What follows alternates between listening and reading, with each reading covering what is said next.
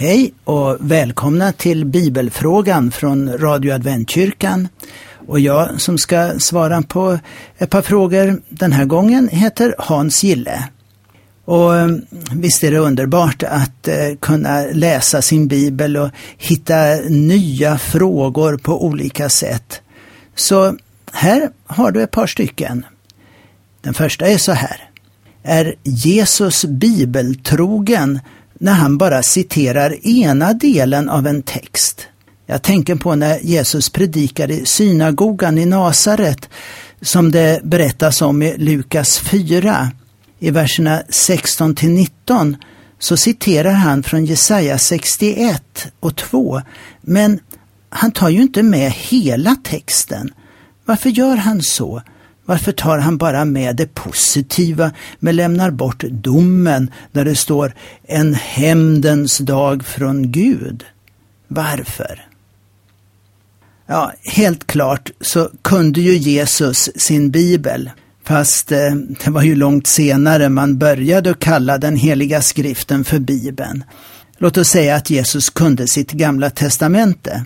Han är ju själv början på det nya testamentet.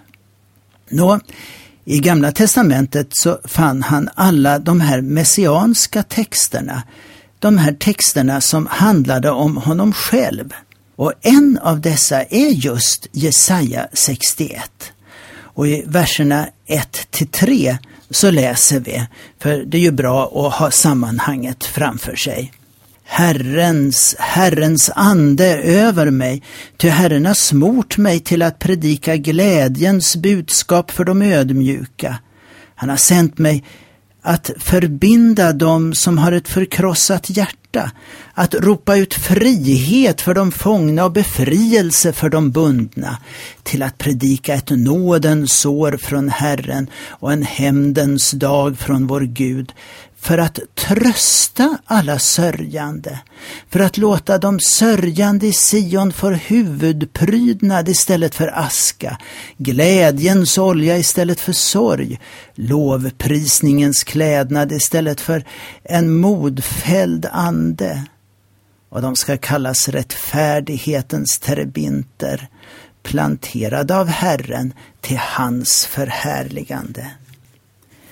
Så när nu Jesus, uppfyllelsen alltså av de här orden av Jesaja, när han står där i synagogan i Nasaret, så läser han bara tills han kommer till och med orden att ge det förtryckta frihet och förkunna ett nådens år från Herren.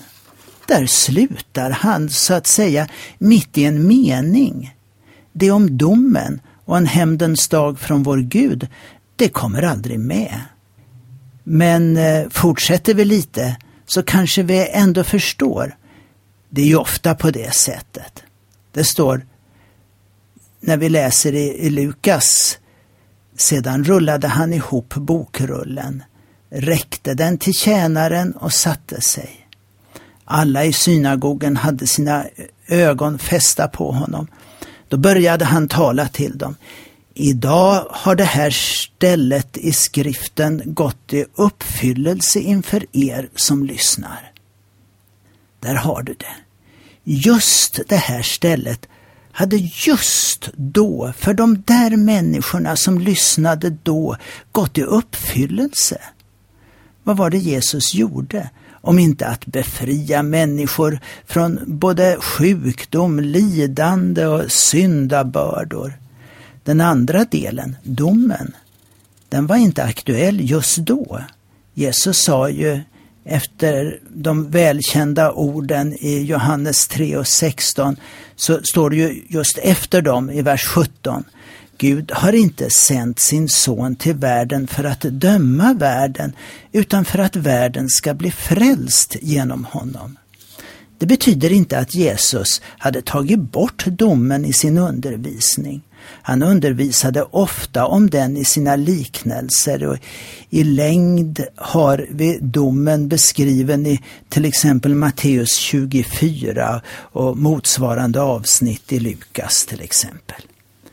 Nej, men just här och nu, så att säga, då, Då ville Jesus öppna deras ögon för att han som stod där, snickarsonen Jesus, verkligen var Messias, den som alla judar väntade på. De flesta trodde att den hämndens dag som det här talades om, den gällde Israels befrielse från romarriket. Men Jesus flyttade fram allt till den slutliga domen över hela mänskligheten, ja, över hela jorden. Den uppgift Jesus hade då, det var att befria människor och visa på Guds stora nåd. Och det är ju något som vi alla kan ta emot i tro. Det är orsaken till att han stannar mitt i meningen från Jesaja. En sak i sänder, med andra ord. Så har jag en eh, annan bibelfråga här eh, Eh, och den handlar om eh, salt. Jesus pratar om salt som inte funkar längre. Jag har då aldrig haft något sånt salt hemma. Har du? Ja, nej, jag vet inte om jag heller har haft det. Men eh, om vi läser i Matteus 5 och 13 eh, så står det ju just där om eh, att vi skulle vara jordens salt. Men om saltet mister sin kraft, hur ska man då få det salt igen? Det duger inte till annat än att kastas bort och trampas av människorna. Och så finns det ju ett parallellställe i Lukas eh, kapitel 14, vers 34 också i Markus, men jag kommer tillbaka till det. Förutom i matlagningen och i offertjänsten i templet så var saltet viktigt när man också gjorde sina kokeldar där man eldade eh, ofta med kamelspillning. Det är inte så vanligt här uppe för oss men så gjorde man där nere. Och Det gjorde man på en sorts saltplattor och på det sättet så eh, påskyndades förbränningen. Men då de här plattorna genom eldningen också förändrades kemiskt så miste de efterhand sin verkan och blev värdelösa. Det är alltså här inte fråga om rent koksalt, för det löses ju bara upp så att säga, utan saltet innehåller också andra mineraler och ämnen i det här sammanhanget. Jesus talar i Lukas 12.49 om en eld. Jag tänkte läsa om det. Jag har kommit för att tända en eld på jorden, om den ändå redan brann. Och i Matteus 3 och 11 säger Johannes döparen, jag döper er med vatten för omvändelsens skull, men han som kommer efter mig är starkare än jag och jag är inte värdig att ta av honom hans sandaler. Han ska döpa er med helig ande och eld. Och nu det här med elden och den helige ande så får vi en liten förklaring på det när vi sen kommer till Markus version om saltet. För han skriver så här i kapitel 9, vers 49. Ty alla ska saltas med eld. Salt är bra att ha, men om saltet förlorar sin sälta, hur ska ni få det salt igen? Bevara er sälta och håll fred med varandra. Ja, här står det att vi alla ska saltas med eld. Han ska döpa er med helig ande och eld. Då lärjungarna fick den helige ande så kom det tungor som av eld och de förenades med efter det i en missionsuppdrag. Och de var, står det, ett hjärta och en själ. Visst är det underbart att tänka på att kopplingen salt med smak och eld med ande hör ihop. Ni är jordens salt, men, men, ja. Och så har jag en tredje fråga idag. Och eh, den är så här, den är lite annorlunda. På era möten, alltså miniserierna, eh, så var det en talare i våras och som eh, visst kommer tillbaka igen har jag hört som heter Eliasib. Han är spansktalande. Eliasib låter som ett bibliskt namn. Är det så? Ja, eh, Eliasib eller Eliashib eller Eliashiv är mycket riktigt ett bibliskt namn. Men eh, mitt kom ihåg är inte så bra och har väl aldrig varit något att skryta med. Men jag slog upp namnet. Det finns sju olika Eliasib i Bibeln. För det första kung Davids släkttavla så finns en Eliasib eller med stavningen från eh, Bibel 2000 Eliashiv. Det står inga särskilda detaljer vad jag vet. Men du hittar det i första krönikeboken 3 och 24. Den andra är en präst som var ledare för en av de 24 avdelningar som alla prästerna delades in i för att göra sin tjänst i templet. Och hans namn finns i Första krönikeboken 24 och 12.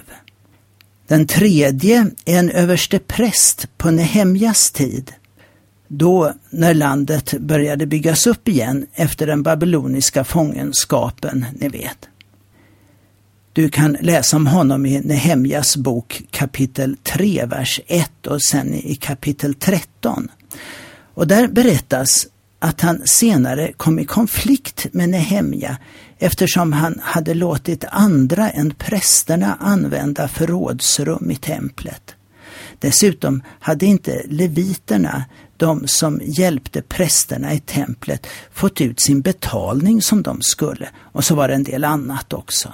Med andra ord hade man försummat en del under tiden som Nehemja hade varit tillbaka i Babylon en period. Antagligen är han också identisk med den Eliasib som nämns om i Esra 10 och 6. Sen är det tre stycken till, fjärde och femte och sjätte under ungefär samma tid i Esras bok, så det tycks vara ett vanligt namn just på den här tiden. Eh, och där läser vi i samma kapitel Esra 10 och vers 24, 27 och 36 om tre olika Eliasib till. Det är i listorna över alla de som hade gift sig med kvinnor som inte tillhörde Israel. De som flyttade tillbaka till Israel skulle alla vara gifta inom sitt eget folk. Idag har vi lite svårt att förstå detta då Guds folk numera är universellt av alla stammar, folk och språk, du vet. Men på den här tiden gick hela nationen igenom en reningsprocess som var ett verkligt stålbad. Eliasib eller Eliashiv låter som en form av profeten Elias namn. Och Elia betyder min Gud är Javé och Eliasib betyder Gud restaurerar eller återuppbygger. Vackert, eller hur? En ständigt återkommande tanke i vår bibel. Det underbara med att få återupprätta det ursprungliga. Ja, så vill jag bara säga att som vanligt så kan du sända in eh, någon fråga som du har. Eh, och det enklaste är att ringa till 031 711 11 99 som är radions telefon här. Och eh, så finns vi på eh, Norra Allégatan 6, 413 01 i Göteborg. Och eh, du kan eh, förstås komma hit till våra gudstjänster som är klockan 11.30 på lördagar och så är det bibelstudium klockan 10.30.